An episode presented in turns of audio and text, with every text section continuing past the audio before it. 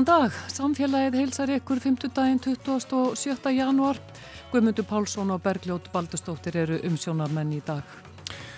Í gær var sagt frá því að efnaætti til alþjóðlegar samkeppni um þróun Keldnalands sem er viðfemt landsvæði hér í höfuborginni. Þetta land er í eigu betri samgangna OHF og þetta tengist allt saman samkominlegi um uppbyggingu samgangna, samgangna á höfuborgarsvæðinu. Þorstein Hermansson, forstuðumar þróunar hjá betri samgangum ætlar að spjalla við okkur um þetta á eftir. Hvenar eru myndlistarmenn aðgerðasinnar og hvenar ekki? Við veltum því fyrir okkur í þætturum í dag og ræðum við Sigtrygg Bjarnar Baldvinsson, myndlistamann. Hér á landi er vaksandi hópur myndlistamanna sem lætur sig náttúruna varða og Sigtryggur hefur ásand fleirum staði fyrir vinnustofum náttúruna og myndlistina á hjara veraldar. Við tökum hús á Sigtryggi. Svo fáum við pistil frá ungum umhverfisinna finni Ríkard Andrasinni í lokþáttar en við ætlum að byrja á Kjeldnalandi.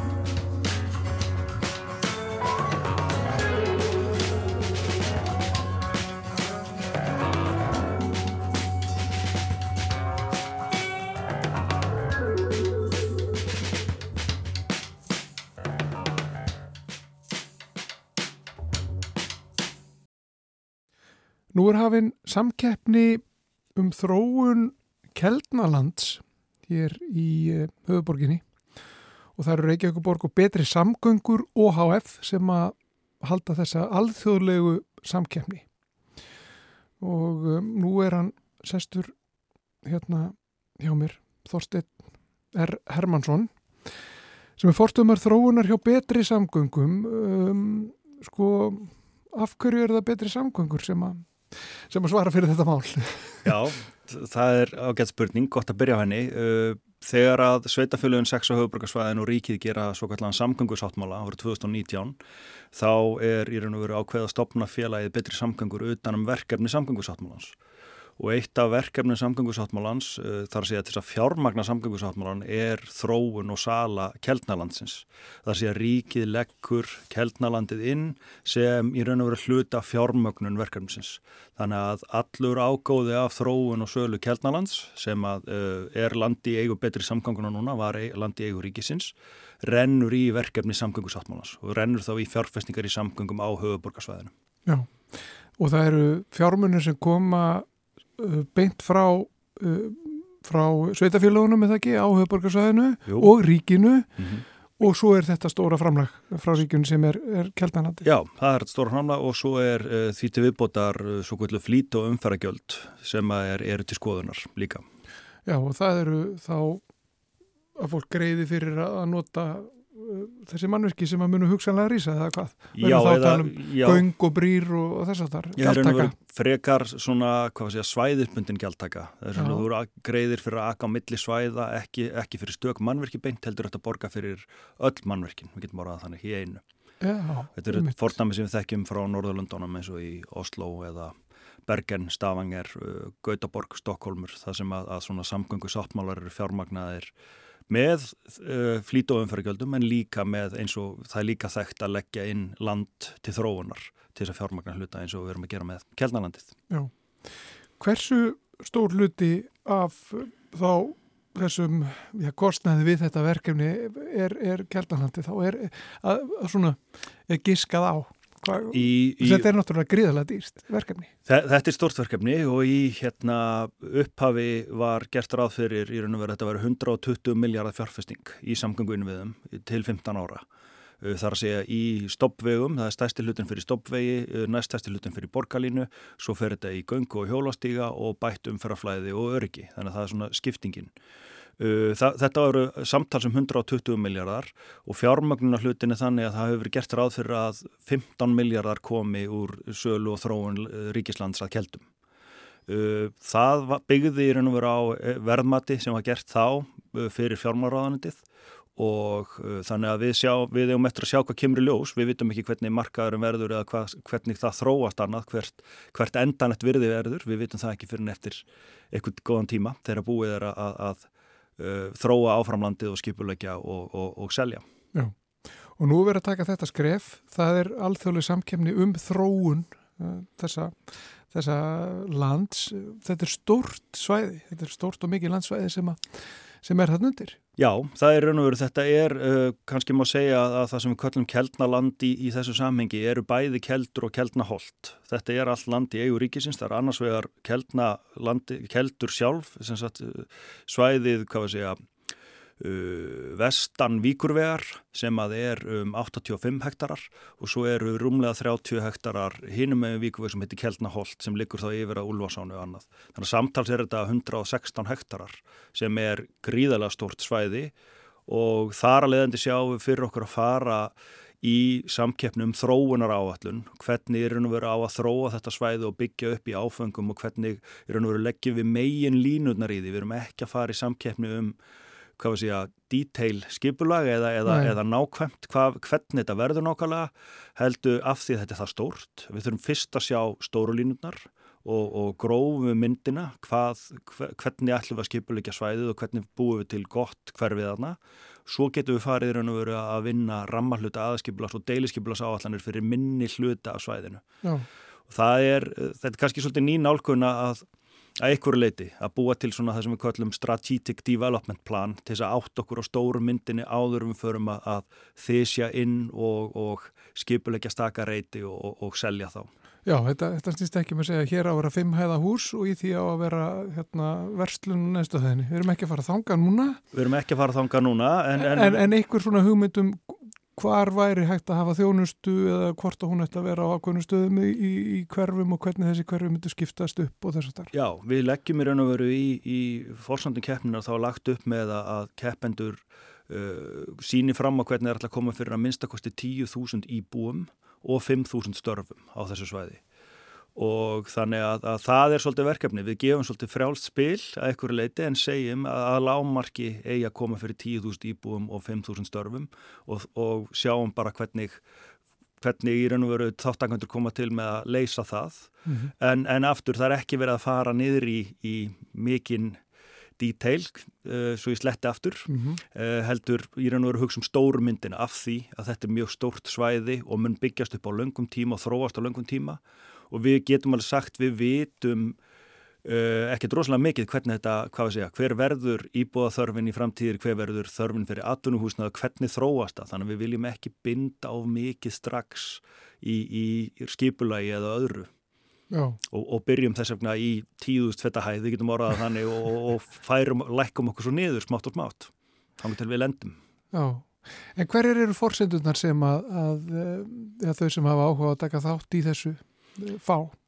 Uh, það er í kannski þessar, þessar grunntölur sem ég sagði, 10.000 íbúar og 5.000 störf uh, svo eru í keppnislýsingunni það er uh, verið að horfa til þessa að þetta verði spennandi nútíma hverfi eins og orðað með vistvænum samgöngum og stöðulega konumbilslutlösu borgarsamfélagi. Þetta er nú verið að hugsa þetta sem gott borgarkverfi byggt uh, með borgarlínu í huga og skipulagt og hugsað með borgarlínu í huga frá upphafi og þar að leiðandi er í sjálf og sér gott að þetta sé hluti af samgöngusáttmálan því að samgöngusáttmálan á fjármagnar borgarlínu og hluti af fjármagnunni kemur úr þessu landi þannig að þetta helst svolítið vel í hendur. Já.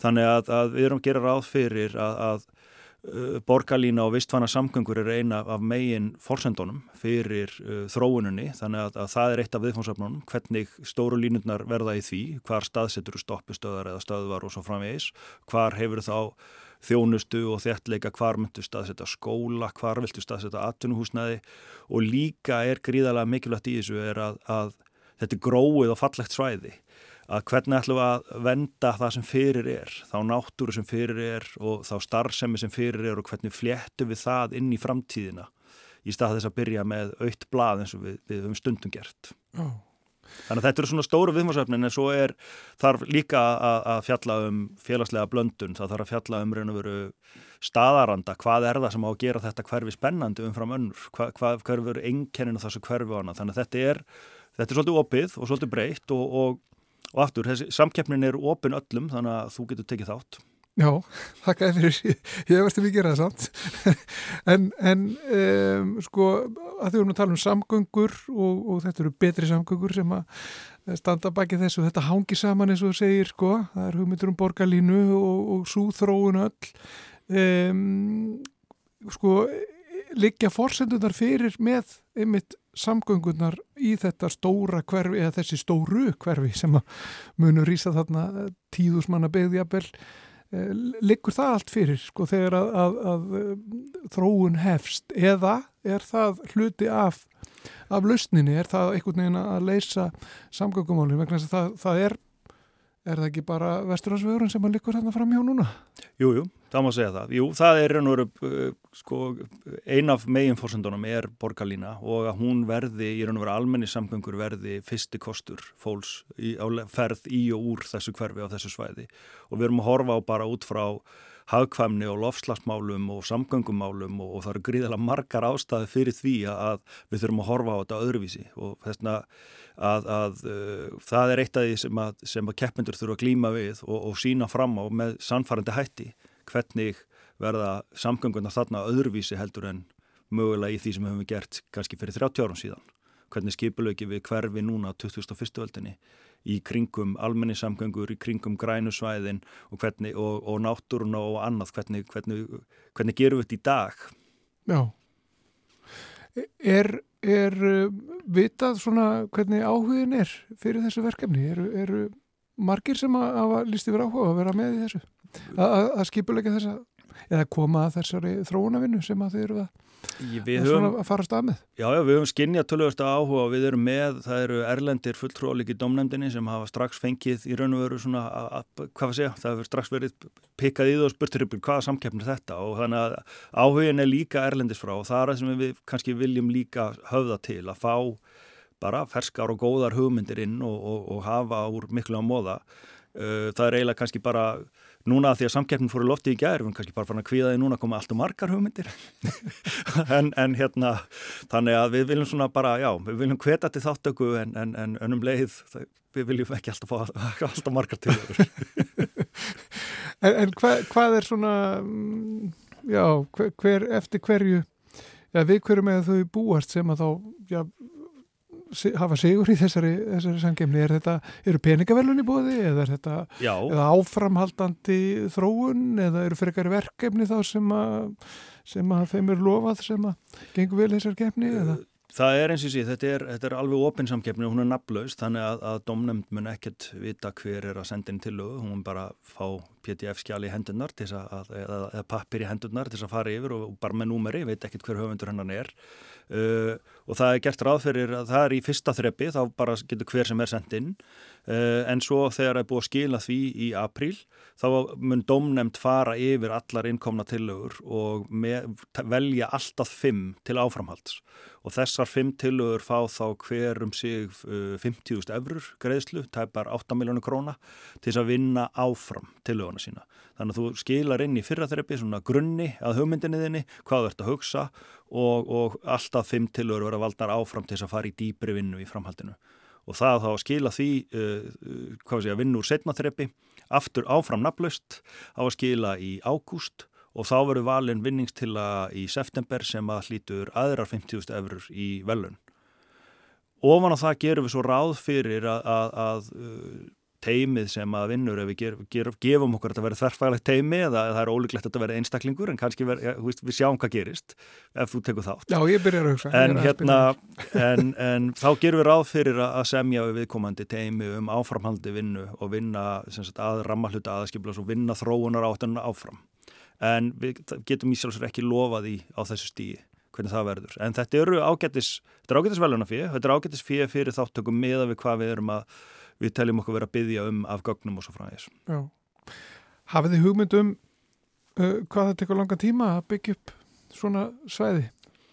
Vitið hvað er langt ákvað til að að, að þarna verði bara eðandi mannlíf og, og allt komið á völd.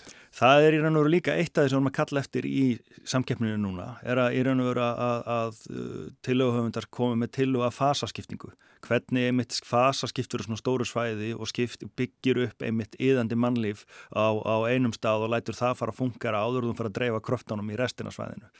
Þannig að, en Við erum svona vonast til að, að, að og hún stemt af því að það sé hægt að vinna er raun og verið aðalskiplas breytingu á grundvelli samkeppninar uh, byrja á því strax í haust. Og þá á grund í, í samhengin á því er það hægt að fara að vinna fyrstu deiliskypulas reytina og hugsa um fyrstu reytina sem er að byggjast upp Þannig að uh, fyrsta skóplustunga, mm. það er mjög góð spurning. En, en, en síðasta skóplustunga? síðasta skóplustunga, það er ennþá erfiðar spurning.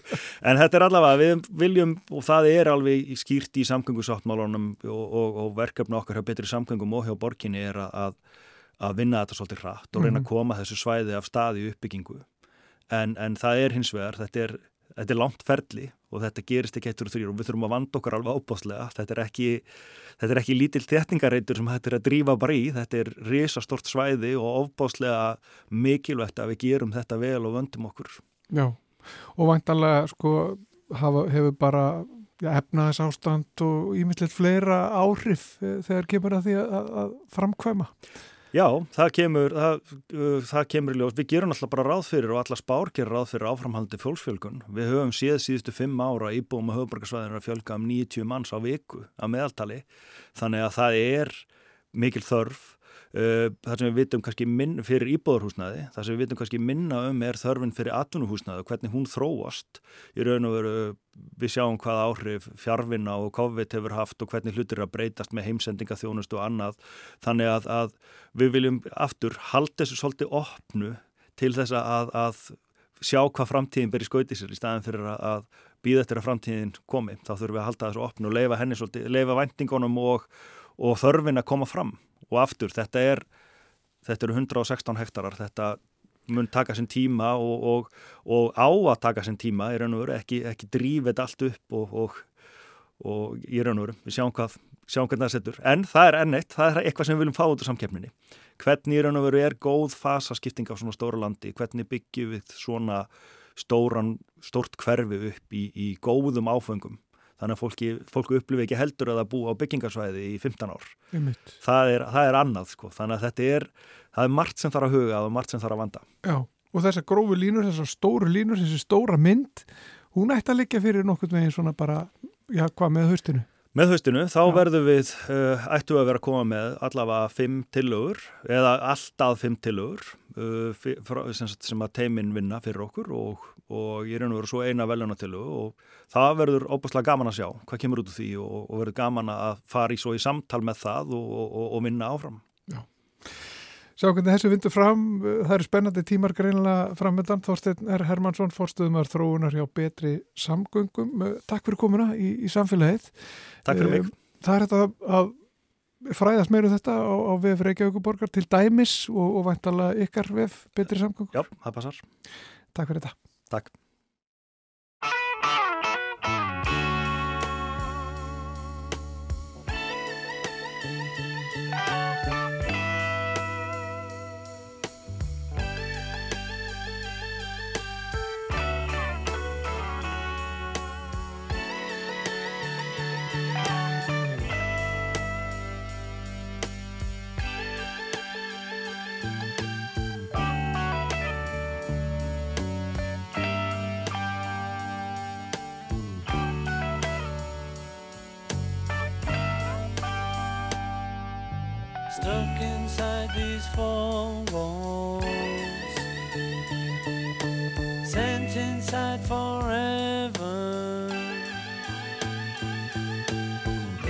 mercy and no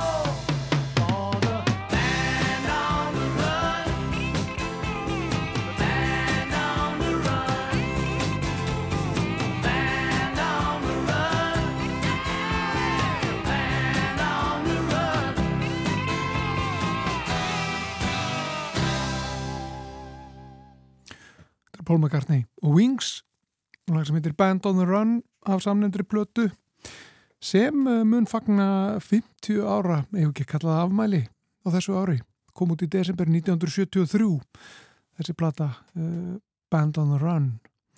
Frábæð plata var tekinu upp að stórum hluta í uh, Lagos í Nýgeri og já, eina þessum stóru blötum bara hreinlega í tónlistarsögunni en áframhöldu við hér með samfélagið Ég er að fara að hitta Sigtrygg Bjarnar Baldvinsson, myndlistamann. Ég ætla að ræða við hann um myndlistina og lofslagsbreytingar og hvert er hlutverk myndlistamanna í baráttunni við lofslagsbreytingar.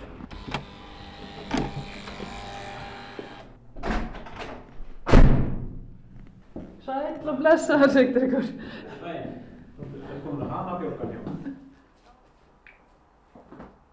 kannski best að bara spyrja sko hérna hvaða hlutverki gegna uh, myndlistamenn í þessari lofslagsbaráttu eru, eru til sko umhverfis listamenn sem eru sko aðgerða sinnar? Það er alveg klártmál, það eru myndlistarhópar og, og myndlistamenn sem eru aðgerða sinnar og út um allt reknaði með. Bara eins og, eins og sjálfsagt þessir aðgerða hópar eru náttúrulega alls konar samansettir en bara í sjálfu sér þessi yðkun á myndlist og ekki síst á sér náttúrutengdu myndlist sé í rauninni aðgerð út af fyrir sig sem hefur staðið að sopla lengi og um, það að, að tengja sér náttúruna í, gegnum listir uh, hefur, er aðgerð í sjálfu sér held ég. Ég held að það hafi jákvæð áhrif. um, sjálfur mála ég verk sem að uh, sjálfsagt sum, finnst svolítið romantísk og romantík hefur nótuð sem skammarirði ótrúlega lengi það tala um romantíska sveimhuga og og það sé akkurat ekki það sem maður á að vera. Þá, þá er maður óraunsæðir en svo var ég bara þegar ég las frábæru bók æfisugu hans uh, Jónasar Hallgrímssonar eða Pál Valsson þá var, var mjög upplýsand og frábær bók þá áttaði mig á því að, að Jónas til dæmis á romantíkarjarnir þeir náttúrulega hefði átt að sigra þeir hefði átt að vinna Jónas hefði átt að vinna, ekki Jón Sigursson alþingi hefði átt að vera á þingvöldum og, og, og þetta sem sagt af því að í rauninni sko innbyltingin sigraði romantíkina uh, og þar byrjaði svona setni kaplin í heimsendanum hjá okkur. Og ef að það sem að Jónas, náttúrulega romantíkarnar og William Morris og fleiri töluð um það var að hérna, við þurftum að hlusta á náttúrun og að tengjast henni. Og listin kæmi úr náttúrunni og þess vegna bæri að fara vel með hann og þeir voru líka stórkostlega við, við hérna einu helsta vandamáli samtíma sem er þessi óhóflega auðsöfnun á forra hendur. Eh, það var alveg eitur í þeirra beinum og það voru þessir romantísku sveimhugar svo hugsaðu ykkur hvað þetta hefur snúist allt saman. Eh, og til dæmis bara ljóðinans Jónasar eða málverkinars kjarvals og allt þetta, þetta er náttúrulega að, þetta er aktivismi að mínu viti en svo er það náttúrulega þannig líka að, að svo hafa bara, eru, eru dæmi um listamenn og myndlistamenn sem hafa farið eh, sem hafa farið út í bæði með myndlistinu sinni til dæmis svo Rúri á sínum tíma á, á, á Feneiabílanum eh, á sínum tíma þegar hún var með frábært verk sem að sem að hétt Endangered Waters uh, og var, voru myndir af einhverjum uh, svona eins konar hálgeru skjálaskápur sem var, var með myndum af fossum sem voru í hættu út af uh, virkunar áformum við Káranhjúka og þetta uh, fórum með að finna að tvíjarengin held í 2005 eða eitthvað svo leiðis. Þannig er, er aktivismin eiginlega í því formi að, að þannig er sínd list á í ofnfjörðu listrými. En svo eru, voru, er listafólk eins og til dæmis Ósk Viljámsdóttir sem að barðist mjög hérna, fyrir einmitt í þessum sömu málum. Uh, en fór svo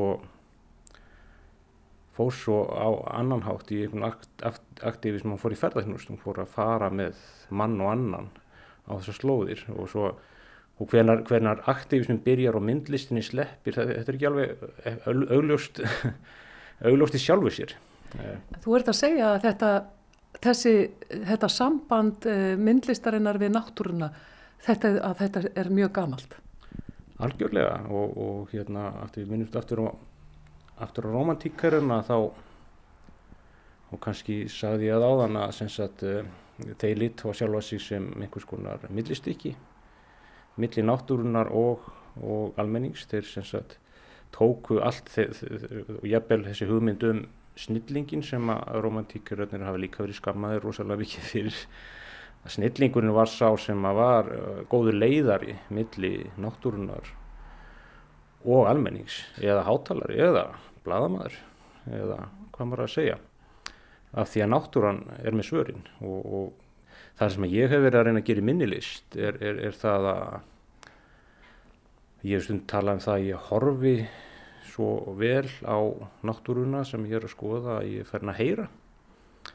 Og svo langar mér að segja frá því sem að ég, því sem að náttúran segir mér, það er svona hugmyndina konseptið bak við mína, mína myndlist Hvenar, hvenar sko hvenar var það ljóst að, að þín myndlist hefur nú tengist greinilega náttúrunni mm. og hven, hvenar byrjaði það? Var það fljótt sem að uh, hún talaði við þig? Ef við getum orðað þannig? Ég er bara svona smá saman átt að mig á þessu eins og mér finnst listundu vera svona, maður þarf svona maður fylgir tilfinningu, hugbóðum, treystir ferlinu, veit ekki alltaf hvað maður er að gera en svo greinir maður hlutina svona smá saman mm. og ég, eitthvað þetta sagt, fyrir mér allavega þá er þetta verða alltaf svona skýrara og skýrara og ég held að það hafið eftir ég fór að vinna, eftir ég fór að beina sjónum mínu mjög mikið á sama landsvæðið í Híðinsfjörð á, á Tröllaskaga farað þangað aftur og aftur og aftur uh, inn í þennan fjörð sem að er búin að vera í eyði uh, síðan 1954 og reyndar landsvæði þar sem að ég er alveg síðan 1904 og endur teknur heimsóknir þar sem ég lappa um og skoða á gömgæfi, tek myndir og hef síðan með mér sett inn í tölvuna mína, skoða, álíkta og mála síðan smá saman fór ég átt að mig á því að, að þetta hafði að gera með um, einhvers konar umhverjusvernd eða, eða kannski ekki já, fór að vera svona þegar já, svona í kringum 1912-13 þá fyrir ég að taka eftir breytingum í náttúrunum þarna. Þar sé ég fyrir að taka eftir óeðlum hlutum eða óvenjulegum hlutum, óvenju tíðum uh, sérstaklega rigningum og, og, og bara mitt sumar. Þá rignir allt í einu gríðarlega áinn áinn kannski tífaldast um mitt sumar. Koma örskriður hingað og þangað og, og hún er svo að, að því að fiskurinn sem er í þessum ám er, er sjóbleikja sem er göngufiskur, kemur úr sjónum upp í, í hénsvara vatn og þaðan upp í ána. Að þegar að mitt sumar það kemur svo mikið flóð í ána að, að fiskunum hverfur þá, þá er eitthvað skrítið í gangi. Að, og þessi stórregningar og þessi fyrðulega hitt í veðrinu e, þetta breytir breytir einhvern veginn nálgun minni við, við hvernig, hvernig ég fyrir að skoða náttúruna þarna og ég fyrir að hlusta sérstaklega eftir þessu og, og, og einmitt ég síndi einmitt á Siglufyrði 2019 það var síning sem hétt Eftir regnið og var einmitt byggð á, á ljósmyndum sem ég tók eftir svona stórrygningu þá málaði ég verk uh, um miðjan ágúst uh, 2018 og þá fer ég að svona þá fer þetta að verða svolítið svona hjá mér ekki uh, þá fer þetta að vera að minna svona fálmáti myrkrið heldur er þetta svona, það er svona ákveðin hluti sem ég fann að taka betur eftir. Og verkið mín fara svolítið að snúast um um, um þetta en samt á þann hátt að, að ég er eins og ég get að reyna að gefa náttúrunni eða náttúru fyrirbreyðunum sem er fyrst og fremst sem mjög lengi framann af í þessum ferli var bara flóran en núna eru fiskarnir líka um, reyna að gefa þeim orðið eitthvað. Þa, það er svona hugmyndin og, og þetta er eiginlega uh, verð, ég verð með sagt, uh, svona, svolítið maður sjá svona afrakstur þessara pælinga uh, síðustu ára á síningu hjá mér í Lissabni Íslands sem verður í mæ Mér langar að heyra að því ég veit að þú hefur ásamt fleiri listamönnum verið með uh, vinnustofu sem að mhm. tengist beinlinnist náttúrunni og kannski já, já. gerir það okkur fært að tala um að það sé vaksandi reyfing myndlistamanna hér á landi sem lætur sér náttúruna og lofslagsbreytingarnar varða. Segð mér aðeins frá þessu. Já, ég, ég held að þetta er örgulega að vísa til uh, hérna um, Hjara veraldar. Eh, já, hjara veraldar, þar sé að mellarkasléttunar og rauvarhafnar en uh, uh, þar er í bígerð og er í, er í gangi, búið vera í gangi verkefni sem að heitir uh, köllum túndran og tefið á sléttu, kannski ef ég, ég útskýrið þetta aðeins þá er túndran, það er vísa til þess gróðufarsins á, á mellarkasléttu sem er einstakta þessu leiti að það er Þar er tundra, e, einn af fáum stöðum á Íslandi, ég er ekki alveg sem hvort það er alveg eini staður, ég held það kannski, það sem er svona uh, gróður, gróður þekjan telst tundra. Uh, og tifið það er eiginlega tif tímans og, og, og hérna uh, þessi, þessar breytingar sem er, er að verða. Og tildurða þessara síningar voru svolítið sérstök að það var þannig að ég var að kenna á vasslitanámskeiði á vegu myndliskóla Reykjavíkur í, á Rauðuröfn. Þetta er svona, þetta var svona hugmynd af því að við höfum aðgang að uh, uh, skemmtilegu húsi, Óskarsbrakka, gormur Sildabrakka uh, sem að Snorri Hilmarsson teiknari leikmyndahönnuður og, og bara þúsund þjálasmiður hefur verið að gera upp á síðustu árum. Og það var sem sagt uh, kom þessi hugmynd að halda námskeið þarna og, og í einni af vettvangsferðunum sem við fórum út á sléttuna þá fór með okkur Pedro nokkur Rodríguez sem er vísindamadur og forstöðumadur uh, rannsóknstöðurna RIFS á meðlækarsléttu á, á Rauðfröfn sem er náttúru rannsóknast stofa sem er að rannsaka áhrif lofslagsbreytinga á, á sléttuna og gróður, viðkvæmt gróðurfarið á sléttunni. Og það er sem sagt, hann er hérna að skoða þessi mæla alls konar hluti, taka myndir af holdasólegjum sem eru að fjúka burt og, og sjá að fylgjast með þessu.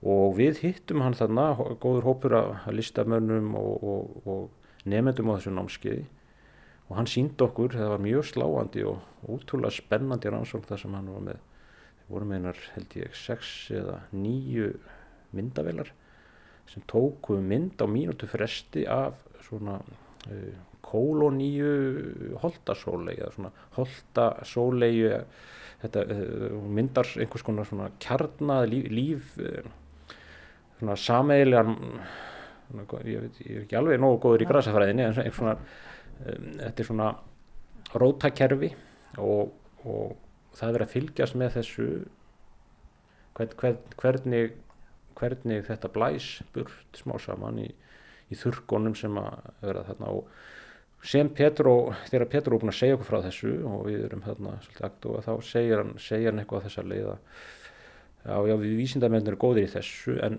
en það skortir svolítið á það að, að, að hérna, við erum ekki nú duglegir að segja frá.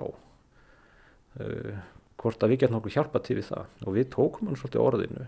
Og nú er þetta, þetta orðin eru búin að hittast einu sinni hópur af 14 listamönnum, margir af okkar þekktustu listamönnum, ekki síst á sviði svona listar sem snertir um, umhverfið eins og til dæmis eru þarna listamenn Ársins, Bryndís Snæbjörnsdóttir og Mark Wilson sem hafa verið að gera fjalla um í sinni myndlist meðal annars um kvítabitni og, og, og í rauninni hvern náttúruna mjög gerðan út frá sjónarhóli eða sjónarhóli dýrana eða, eða náttúrunar ekki mannsins sem er mjög spennandi passar vel inn í þetta og þarna eru líka Ósku Viljánsdóttir til dæmis eh, sem er, sem er eitt þekktasti aktivistinn okkar og, og fleiri og fleiri eh, listamenn sem að ætla að hittast aftur í, núna, nú ætla að hittast á sömarsólstöðum og dvelja þarna eiginlega við, það, við þá yðju sem að ég var nú eitthvað við um að reyna að koma orðið á þetta.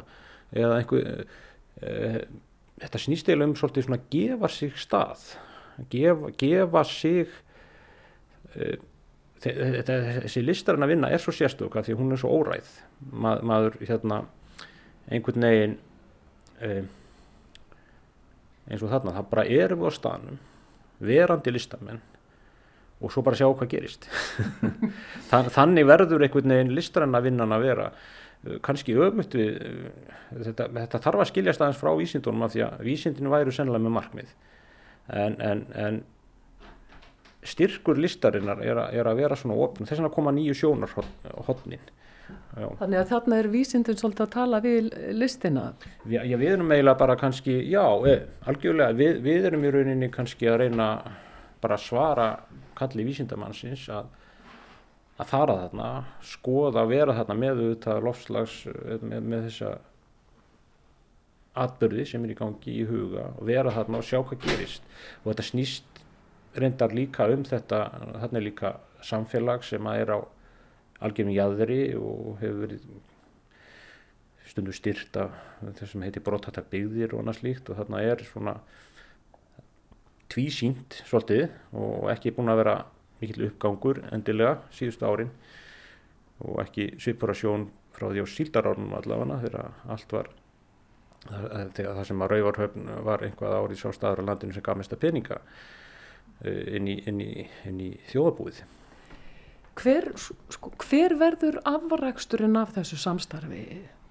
Það er bara, við erum alltaf þroskaðir listamenn og reyndir að við erum eiginlega búin að passa okkur svolítið að vera ekki búin að negla ómikið niður til að, til að útiloka ekkert en planið er eins og núna sagt, planið eins og lítur út núna þá er sem sagt uh, 2020, 2024 um sumarið verði síning á Rauðurhöfn uh, e, og eða á sléttunni í Óskarsbraka þar sem þessi afrækstur verður. Það, það er planið núna.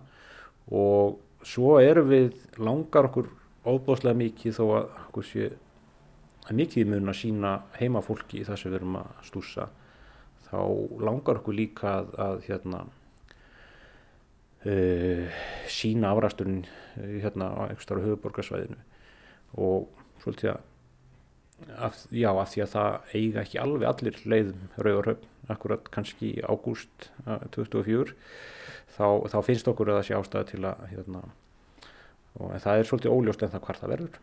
En, hérna. Bara þá svona kannski að lókum um, og ég veit alveg kannski að það er ekkert auðvelt að svara þessu. En áttu vona á því að þetta hafi einhver áhrif eða skilja einhverjum árangri og þá er ég að hugsa um sko við erum segjum mikið frá allskins baráttu aðgerða sinna gegn lofslagsbreytingum en þetta er svona kannski svolítið annars konar aðgerðir. Hefur þú, ég hef það kannski ekki réttlægt að spyrja þig hvort að þú hefði trú á þess að því þú ert á miður kafi í þessu en svona hverjar eru þínar þá væntingar til þessa? Já þetta er sko virkilega sko maður sé að þarf spurningum og er að spyr, spyrja þegar maður nú er hvað maður að segja um, e, fínar myndlistarsýningar er í fínum sölum og þar kemur fína fólkið en við erum pínu líka að tala við fína fólkið því að fína fólkið átt peningan og það ræður svolítið miklu. Svo ég held í rauninni að við höfum alveg svolítið aðgang svolítið eins og svo listamann hafa gert í einhvern tíðin að, að fólkinu sem ræður yfir, hvað maður að segja, peningunum.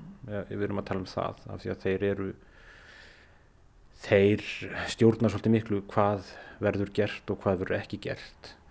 Og ég vona og trúi náttúrulega að, að, að þetta opni augun og kannski bara líka um, þessi yðguna að tengjast náttúrunni að maður geti svolítið breytt út þann bóðskap og fleiri fara að gera þetta svona markvist og þetta snýst kannski ekki endilum að gera einhverja stórkoslega uh, list sem að fer víða og gerir mann frægan eða eitthvað heldur, heldur snýst þetta svolítið um hvernig maður er að skoða heiminn, hvernig maður nálgast heiminn. Ég vil að þetta nálgast heiminn kannski þetta nálgast hann um, frá þessu trúalega sjónamið og þessu vísindalega, svo líka þessu listræna og þetta er alls saman hérna svolítið, ég, ég held að sé, þessi listræna leið sé að mörguleiti ofsalega holl fyrir bara einstaklingin og samfélagið líka. Bara kærar þakkir fyrir þetta Sigtryggur Bjarni Baldvinsson myndlistamöður Takk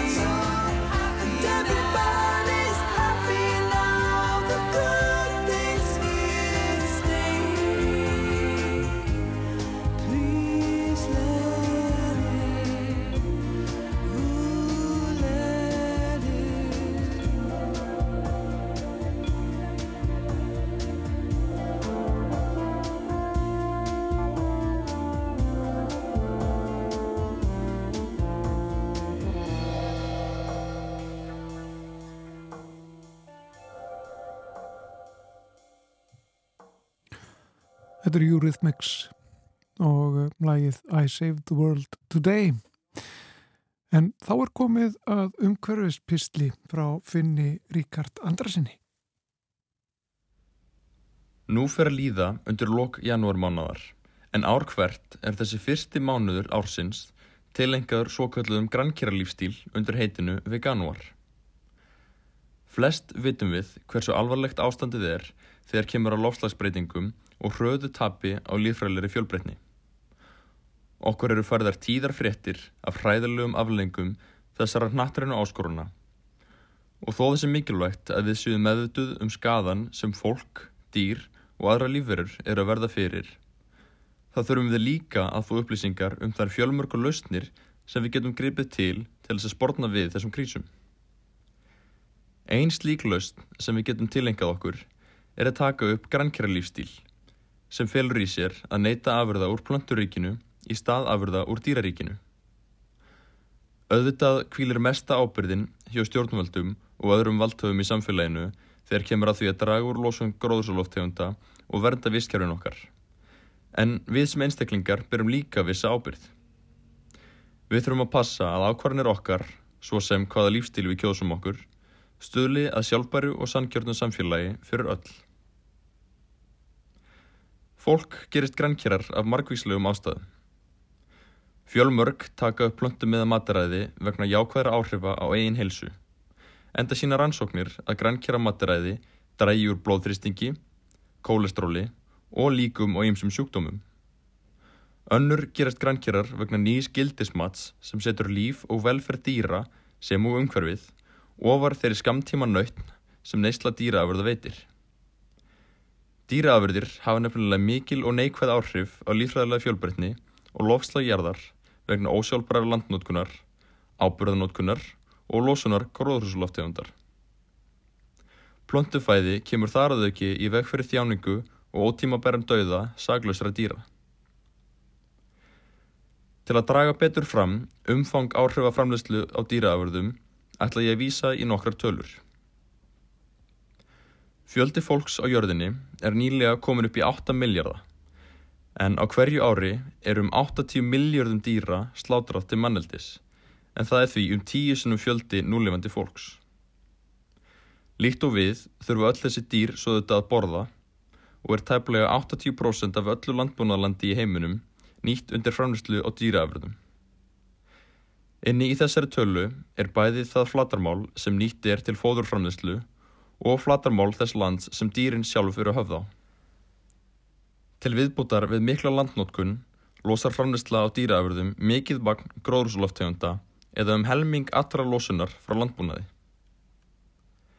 En þrátt fyrir að taka 80% af öllu landbúnaðlandi í heiminum og losa helming gróðursoloftegunda sem koma frá landbúnaði fær meðal manneskjan einungis 18% af kaloríum sínum og 37% af próteinu sínu frá dýraafurðum. Þetta sýnir það að dýraafurðir hafa mun meiri áhrif á náttúruna og lofslægið heldur en plöntuafurðir. Þetta sýnir okkur einnig það að það er hægt að draga gríðarlega úr landnótkun og losun gróðursoloftegunda ef við draugum úr neyslu og framneyslu á dýraafurðum. Auðvitað er grannkjærafæði engin töfralausn við loslasvonni en hún er ein mikilvæg lausn af mörgum sem við þurfum að ráðast í samtímis. Einnig er ekki nöðsulegt að allir gerist grannkjærar á einni nóttu heldur er hægt að taka þetta í skrefum og draga smám saman úr neyslu og dýraafurðum sem er akkurat það sem ég gerði. Til að byrja með dró ég úr neyslu kjöts í hálft ár sem gekk vel. Svo gerist ég grænmyndisæta og var það í rúmt hálft ár og tók þá á lokum síðasta skrefið sem var að hætta alfarið að borða dýraafurðir. Hvert einasta skref sem tekið er til að draga úr neyslu dýraafurða er jákvætt og skilar árangri fyrir umhverfið. Við sem búum á Íslandi erum auðvitað í foröldindastöðu í þessum málum eins og flestum öðrum þar sem aðgengi að grannkjærafæði er gott og getur það verið ódýrari kostur en dýraafurðir ef réttir farið að. Hins vegar leifa aðstæður ekki öllum í heiminum að tilengja sér grannkjara lífstíl þar sem margir búið fæðu óöryggi og neyðast því til að borða hvað sem þeim býðist. En í öðrum samfélögum týðkast það reyndar þegar og hefur gert lengi að borða að mestuleiti afurðir úr plönturíkinu og er það alveg jafn náttúrulegur kostur sem mataræði fyrir fólk og veitur okkur öll þau næringarefni sem við þurfum á að halda. Við sem Íslendingar ættum því að nýta okkur þá forrættendastöðu sem við erum í og draga úr neistlu okkar á dýraafurðum vegna þess að aðstæðir eru þannig að við getum gert það öðvallega. Á lokum er einnig mikilvægt að huga að réttlátum umskiptum þegar kemur að bændum og öðrum sem starfa í kringum dýraeðnaðinn. Stjórnvöld þurfa að umbreyta styrkjum og reglum til þess að veita bændum meira frelsi til þess að framleiða meira korn og grænmeti í stað þess að framleiða dýraafurðir. Einnig eru slíkar breytingar nöðsynlegar til að samræmast markmiðum stjórnvalda í umhverfis og lofslagsmálum. Þar áður ekki eru mörg tækifæri þegar kemur að nýsköpun í samengi við plöntum eða mataræði eins og má nú þegar sjá hér á landi. Havramjólk, havraskýr, hágæða fiskilíki og kjötlíki eru einingis nokkur dæmi um vörur sem íslensk fyrirtæki framleiða og selja hér á landi og eru miklir möguleikar til útflutnings á slíkum vörum ef stjórnvöld hjálpa til við að skapa réttar aðstæður. Ef við hugum að þessum nöðsynlegu breytingum þegar kemur að neslu dýrafurða í samfunnu, á lausna meðan hátt og með réttlátt umskipti að leðarljósi, þá munum við tryggja betri heilsu, betra lofslag, betri náttúru og betra samfélag fyrir okkur öll. Þá er finnur Ríkard Andrason sem átti loka orðin í samfélaginu í dag. Guðmundur Pálsson og Bergljóð Baldurstóttir þakka fyrir sig. Við verðum hér á okkar stað á morgun að sjálfsögðu klukkan eitt, heyrust á